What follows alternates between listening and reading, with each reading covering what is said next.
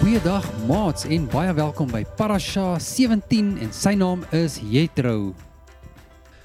Maats, die kinders van Israel is deur Abba Vader se sterk hand uit Egipte uitgelei sodat al die volke en nasies mag weet dat ons Abba Vader die enigste lewende God is en dat daar geen ander God nou of ooit weer sal wees nie behalwe Abba Vader.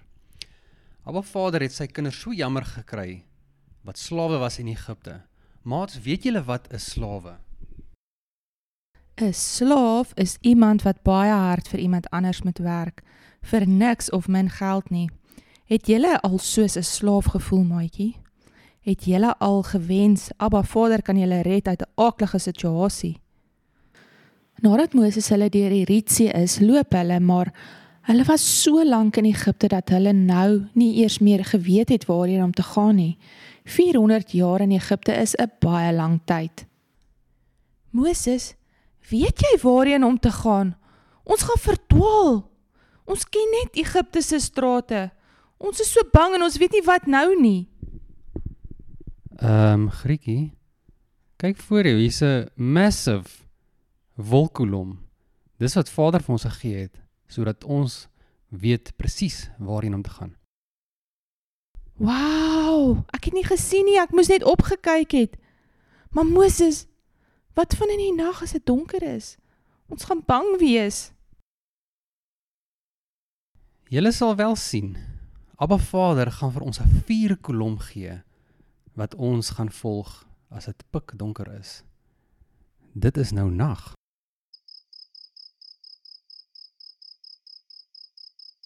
Ons kan dit sien. Sjoe, ons het nog nooit in ons lewe so iets beleef nie. 'n Massiewe vuurkolom wat hier bo ons waak. Vir wie sal ons nou vrees of kan bang wees as God met ons is?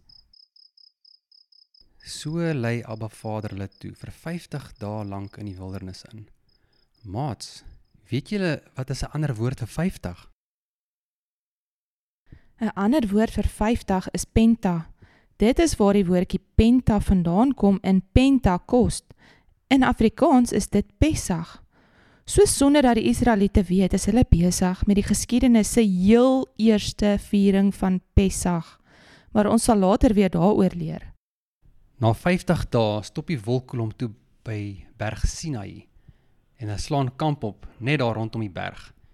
Jesus maats, kan jy dink hoe lekker was dit gewees toe hulle hulle gasbottels uithaal en hulle braairoosters en hulle braaibroodjies begine maak. Nee man Moses, daar was mos nie sulke goed in daardie tyd nie. Maats, kan julle dink hoe dit moet wees om met duisende mense te kamp? Dink julle nie daar gaan bietjie probleme kom nie? Wat s'hulle waai is daar ver? Daar links van die groot boom, dis nou weer Piet wat stry met Frik oor een van Piet se skape wat verlore is en Piet vermoed Frik het dit gevat.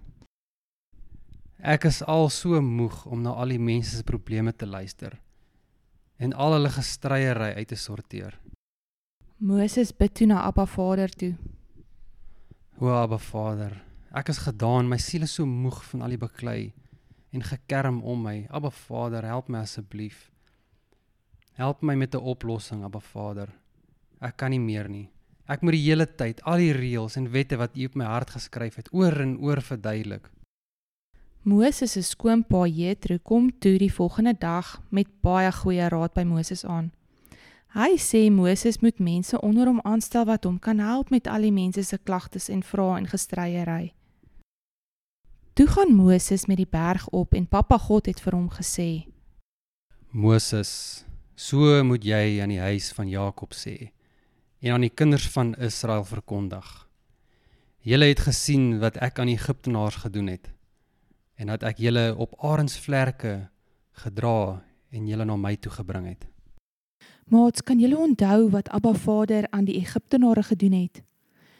Moses en die Israeliete het mos deur die see geloop op droë grond en toe maak Abba Vader die see toe en al die Egiptenare het toe mos verdrink. Abba Vader sê toe ook vir Moses dat as hulle na sy stem sal luister en in verbond met hom sal wees, dan sal hulle aan hom behoort. Maats, weet julle wat beteken verbond? Verbond is as ons gehoorsaam is aan dit wat Abba Vader sê. Abba Vader sê toe vir Moses dat hy die volk gereed moet kry en dat Vader op die berg Sinaï gaan afdaal op die derde dag. En so het Moses van die berg af na die volk gegaan om die volk te heilig. En hulle het hulle klere gewas en hulle self gereed gemaak om na die derde dag vir Abba Vader te ontmoet by die berg. Op die derde dag was daar donderslae en blitse en 'n swaar wolk op die berg en die geluid van 'n baie sterk bassein, sodat die hele volk wat in die laar was, vreeslik gebewe het. Hulle bene het sommer soos jelly gewabbel. En die hele berg Sinaï het gerook omdat die Here in vuur daarop neergedaal het. En sy rook het opgetrek soos die rook van 'n groot, 'n massive braaivleisvuur maar net baie, baie, baie groter. En die hele berg het vreeslik gebewe, amper soos 'n aardbewing. Abba Vader roep toe vir Moses en sê vir hom dat hy moet opklim op die berg na hom toe. Abba Vader praat toe met Moses en hy gee toe vir hom die volgende instruksies. Ek wonder of julle weet wat word die instruksies genoem. So hier volg die instruksies wat Abba Vader vir ons gegee het. Jy mag geen ander gode voor my aangesig hê nie. Jy mag vir jou geen gesneede beeld of iets maak wat lyk soos iets in die hemel of wat onder op die aarde is of van wat in die waters onder die aarde is nie. Jy mag jou voor hulle nie neerbuig en hulle nie dien nie, want ek, die Here jou God, is 'n jaloerse God. Vader sê toe dat hy barmhartigheid aan duisende bewys aan die wat hom liefhet en sy gebooie onderhou. Jy mag die naam van die Here jou God nie ydelik gebruik nie, want die Here sal die een wat sy naam ydelik gebruik, nie ongestraf laat bly nie. Onderhou die Sabbatdag, want dit is 'n afgesonderde dag. 6 dae moet jy arbei en al jou werk doen, maar die sewende dag is die Sabbat van die Here jou God. Dan mag jy geen werk doen nie. Jy of jou seun of jou dogter of jou dienskneg of jou diensmaagd of jou vee of jou vreemdelinge wat in jou poorte is, mag nie op die Sabbatdag werk nie. Want in die 6 dae het die Here die hemel en die aarde gemaak, die see en alles wat daarin is. En op die sewende dag het hy gerus. Daarom het die Here die Sabbatdag geseën en dit geheilig.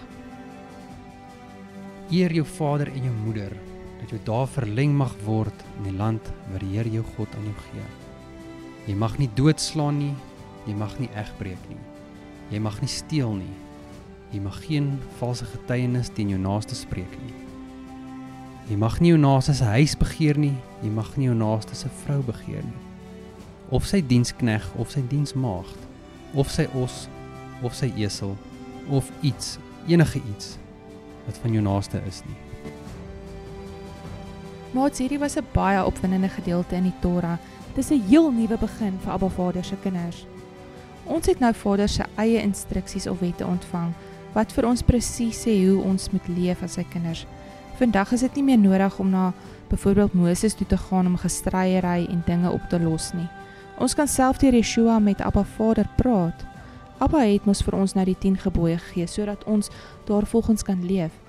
En eintlik as ons net hou by sy instruksies en hom vra om dit vir ons op ons hartjies te skryf, dan gaan dit nie meer nodig wees vir gestryery en bekleierery nie. Kom ons probeer die week om gehoorsaam te wees aan Abba Vader se instruksies.